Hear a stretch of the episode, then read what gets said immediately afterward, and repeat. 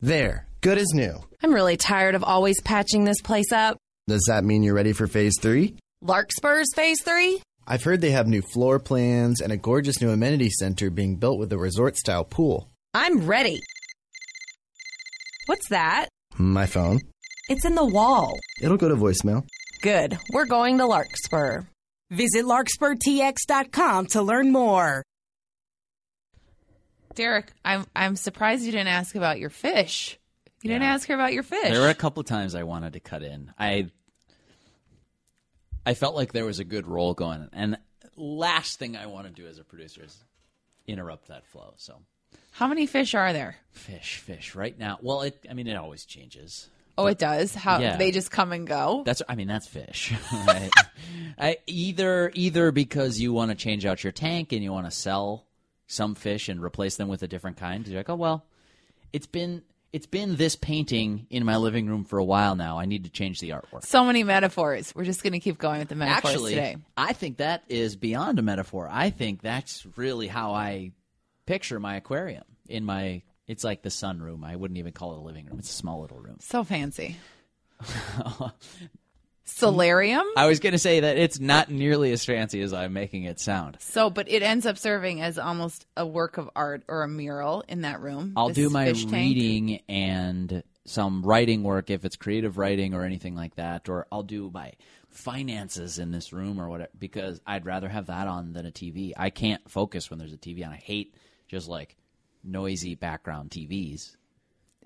You have the right pets. Then they don't make any Exactly noise. Right. That's exactly How right. would you know if there's something wrong with your fish until they are just belly up? you i can't always but you learn to i don't want to say tune in tune in's probably the wrong but when i'm watching them i can i'll look more closely than most people it's not it's not like i have some sort of special talent but i mean i've been keeping fish for uh, maybe like 10 or 12 years or something like that and so i now see some of the symptoms that well i've had fish suffer from this before i know where this chapter ends if I don't change it. So I've kind of figured out some of those things, but I'm still not. I mean, I'm no expert. What are their names? Uh, I only have a few names. Be- I have like I don't know how Do, many that they right now. share. Like, so there's No, like no, always no. a Howie in the tank. Okay, so you have been skeptical in the past Sure. about intuitives. How did how did this one hit you?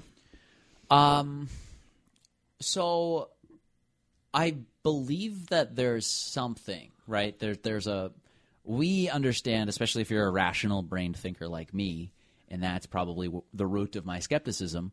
But there's this like physical world. Mm-hmm.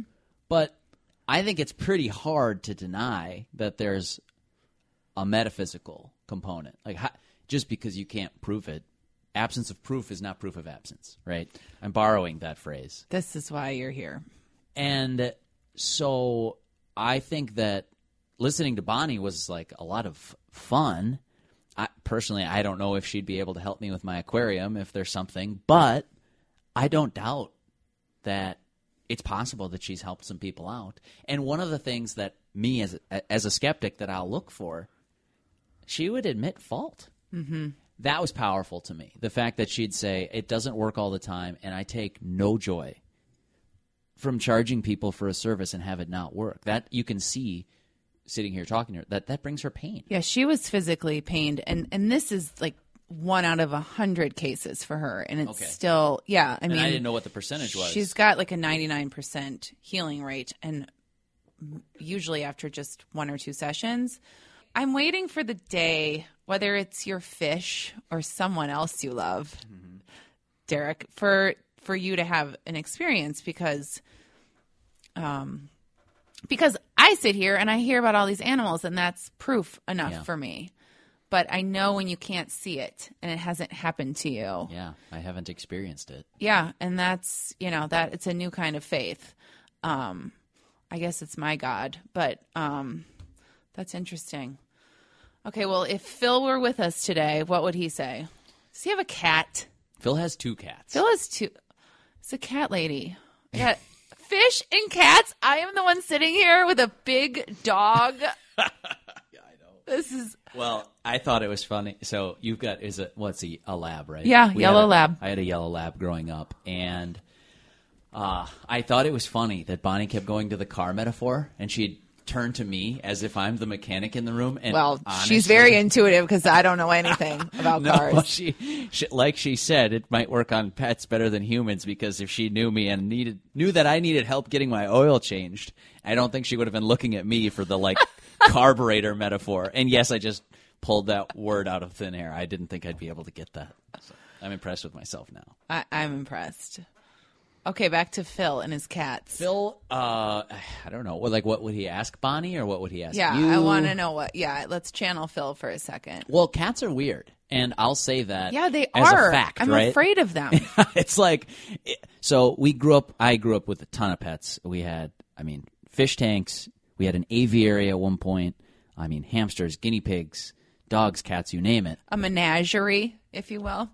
yes that's it's right on the tip of my tongue actually. Right, right. I've just been waiting to use it. so here would be the question for Bonnie if she was still here: Are they are they weird or something wrong? Like, Yeah, do no, they or- want you know? Are some of these quirks because they're not getting good food or because sure you know? or is this like xenophobic of me against cats that just because i'm not picking up what they're putting down Oh I've. I've, I we're gonna we're gonna fault. have some. Please, please, cat cat lovers, we love you. I we I'm not willing to go that far No, we just. Well, I have just. I have so many friends who have cats, and I still chortle every time I meet someone with a cat. So, I'm like, really? Like, I don't get it. They're not cuddly, and they hiss, and sometimes they have claws. Like, I those are three strikes that I already am. I can't like I can't handle. So- but I know that if you love cats, there's. I'm sure there's just like the most amazing cats out there that I just haven't met. maybe but i More skepticism. There's a chance. So cats are hard to get. So if you have one, you have some special talents. Those of us with dogs are super needy. Those of us with fish are really quiet and introverted. Interesting. Okay, this is a, this is another show. Pet personalities. Maybe for another podcast. don't don't steal that.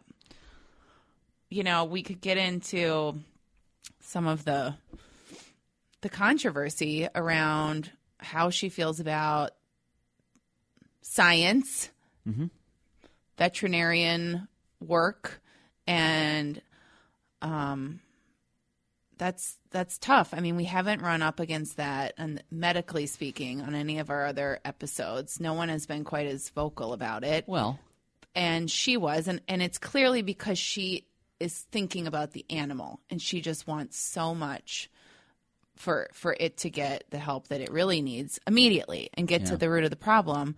Um but i've got to think that there's still a way for this healing work and and science to to be complementary.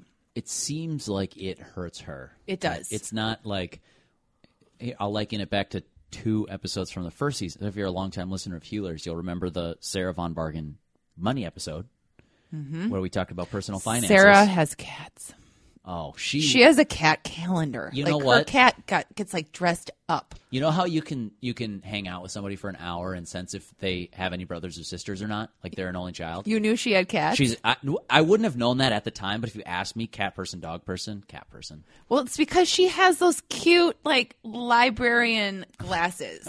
it's the first tip off. That's how you know. Huh? I think so. well, you know her much better than I do. it's so like yeah, let me let me liken this episode to those in that kind of way. Sarah, I mean, there's there's a financial component of what she does. She makes money off of doing this, so I'm not going to deny that that's part of it. But I think she'd be perfectly happy if you just said, "Hey, you know what? You're going to have like you're set. You're going to be fine financially. You're not going to get rich off of this. Do you still want to help people?" And I think Sarah would say, "Yes, I want all of my friends to understand that it's okay to drive a 2005 Ford Focus." And know that you can liberate yourself financially. I think she sort of has that passion underlying Bonnie, I think, similar, maybe a little bit more explicit about I don't like the veterinary industry for this, this, and this reason, mm-hmm. but the same kind of idea, railing against conventional wisdoms that I'll borrow her phrase, it doesn't bring her joy to see people continue to go down that path. And so I don't know. I, I guess it would have been a fun question to ask her how, you know, this must feel daunting, like a daunting challenge to you. And I think that's where that comes out, that manifests itself in the way she talks about some of those shortcomings. Yeah, I mean, if you could all see her, she, I mean, she teared up a few times. I mean, she she probably wants to pull her hair out, and and your observations are so astute, Derek and Bonnie, equally just like one big kind heart. All of this is coming from positive intention to help all of us. So, but if I could come up with an analogy, which I never can, I mean, imagine if you knew something to be so true and day after day you had to watch someone doing the opposite or ignoring that advice. I still don't have an analogy. I'm um, working on that. You know, so that car is going to blow up, but why but you keep getting into it. I mean, it's I mean, And see they say, well, but everybody drives cars, exactly. right? No, that's actually perfect. Yeah. So I'm not, you know, everybody yeah you have to kind of lead the way you have to take this chance because we've all been doing it the same way for centuries in many cases i think that is a little bit of just laziness on all of our parts oh, not being introspective, not Right. not thinking about it. Nutrition is the same way. Yeah. I'm guilty of this. I know. I I'm know you guilty are. of yes, it. you Yeah. said that on this episode, and so, and so did Bonnie. We're all. It's easy to take the easier path. Bonnie is today's example. They're kind of not cynical in a bad way, but they're skeptical that we should just take what's laid in front of us. And I Mm-hmm. think that's what I can appreciate about her episode today. Yes we all just we all need to be a little bit more brave and inquisitive to your point. I like that word when she said courageous. courageous is a beautiful word. On that note we'll see you next week. Go hug your pet even if it's a fish